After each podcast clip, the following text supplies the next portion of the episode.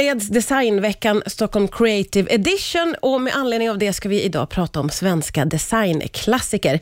Välkommen hit säger jag till Ulrika Källström Attar som är en av grundarna av den här veckan. Ja. Kul att ha dig här. Tack snälla för att jag fick komma. Jag måste få börja med att fråga, hur ligger Sverige till vad gäller möbeldesign?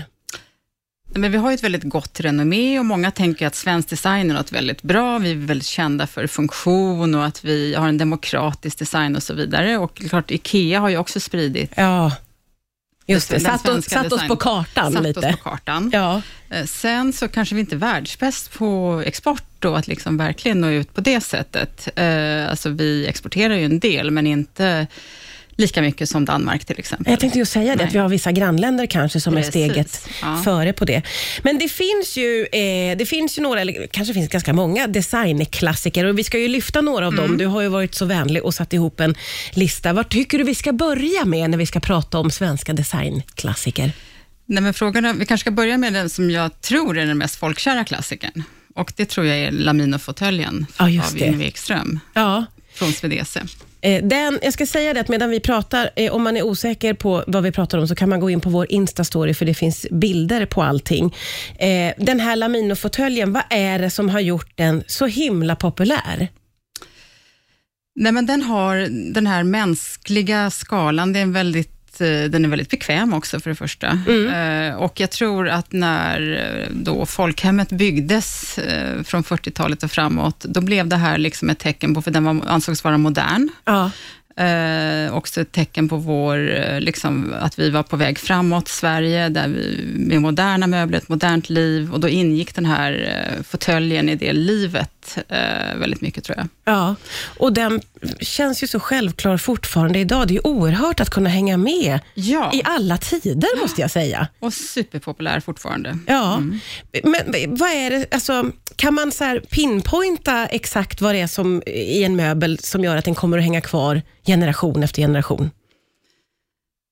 Nej, det kan man ju säkert inte när man, från början, utan det får utkristallisera sig med, med tiden då. Men det Ja. är klart att det, det är väl som, alltså kvalitet, det är väl som en bra bok eller bra konst eller vad som helst. Ja, Eh, har, har, finns det så, ja, så märker man det. Ja, men och precis. då hänger det kvar. ja. Eh. Och kombinationen av att, som du sa, den är jättebekväm Ja, och man gillar hur den ser ut. precis. Där- Plus att den har det här, den är i trä, den har ofta då med fårskinn och så. Den är väldigt liksom, eh, ja, mysig Ja, fåtölj. ja. Den är mysig och stilren på Och samma stilren gång. På samma gång, Ja. ja. Ja. Precis, den kombinationen är nog väldigt, tror jag vi svenskar gillar. Ja, det gillar vi. Ja. det finns så mycket att prata om vad gäller det här, men om vi går in på Bruno Mattsson lite grann. Vad har vi att säga om hans design? Jo, men han kommer ju också med den här, det moderna uttrycket i det svenska folkhemmet på något sätt och införde en helt ny estetik då med, med sina eh, väldigt stilrena, enkla möbler med sadeljord som istället för en stoppad, tung möbel och så vidare. det. Och det blev ju också, har ju också varit väldigt eh, populärt, fortfarande är stora storsäljare. Ja, alltså den här Jetson-fåtöljen är väl eh, hur het som helst. Den är ju på trenden. Väldigt så, Verkligen de senaste åren skulle jag Ja, ja. säga att det är väldigt... Och, och, vad, vad är det som gör att det liksom eh, kommer tillbaka och försvinner och kommer tillbaka med de här eh, designklassikerna, tror du?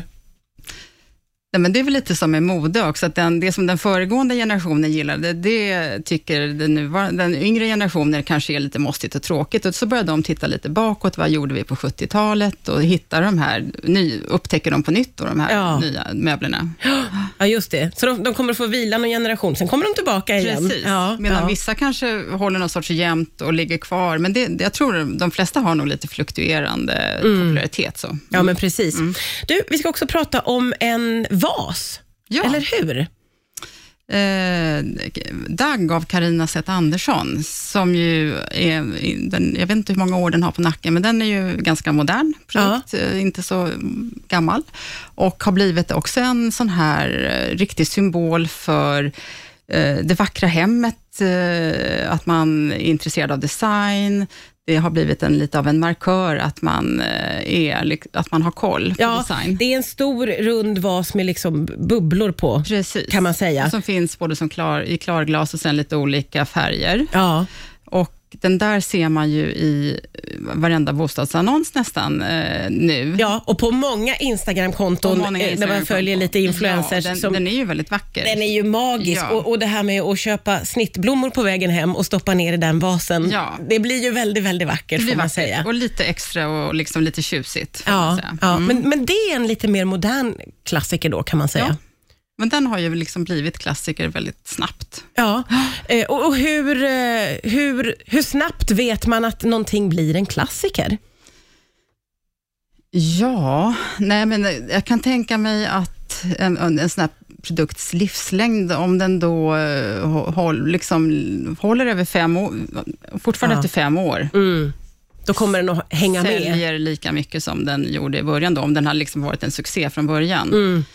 Eh, då kanske det är på väg att bli en klassiker i alla fall. Mm. Ja. Eh, Och nu ska vi prata om betongstolen. Vad är det? Ja.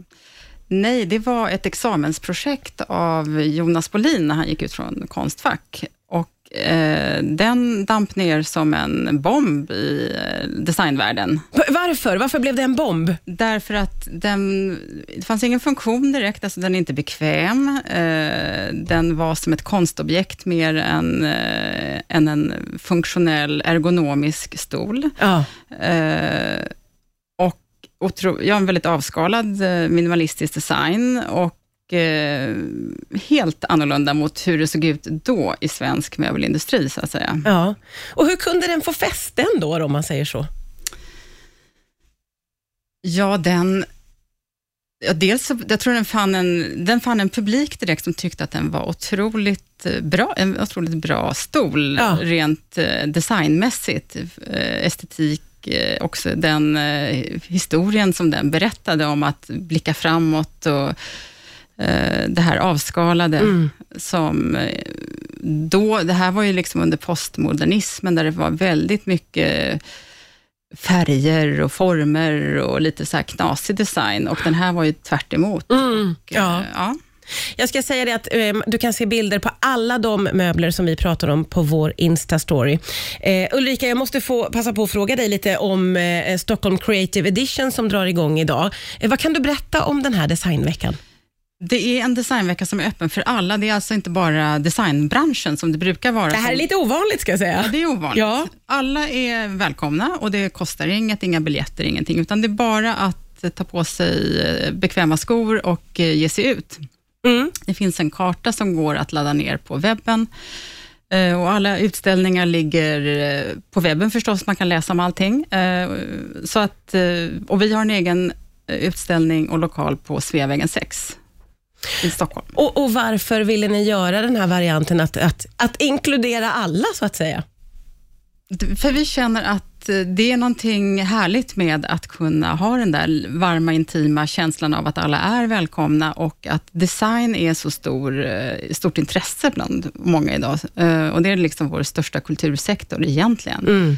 Eh, och varför skulle inte folk få vara inbjudna till den här veckan? Och vi tror också att man kan få en... Både branschen och allmänheten tror vi också gillar att mötas. Mm. Ja, verkligen. Och, att många är intresserade av processen bakom en produkt och det, liksom den typen av frågor. Vad är det för material och så. Det kanske man inte får om man går på en vanlig möbelbutik på samma sätt, Nej, den historien. Mm. Ja, roligt och jätteroligt att du tog dig tid att komma hit idag. Tack snälla för att du kom till Rix FM.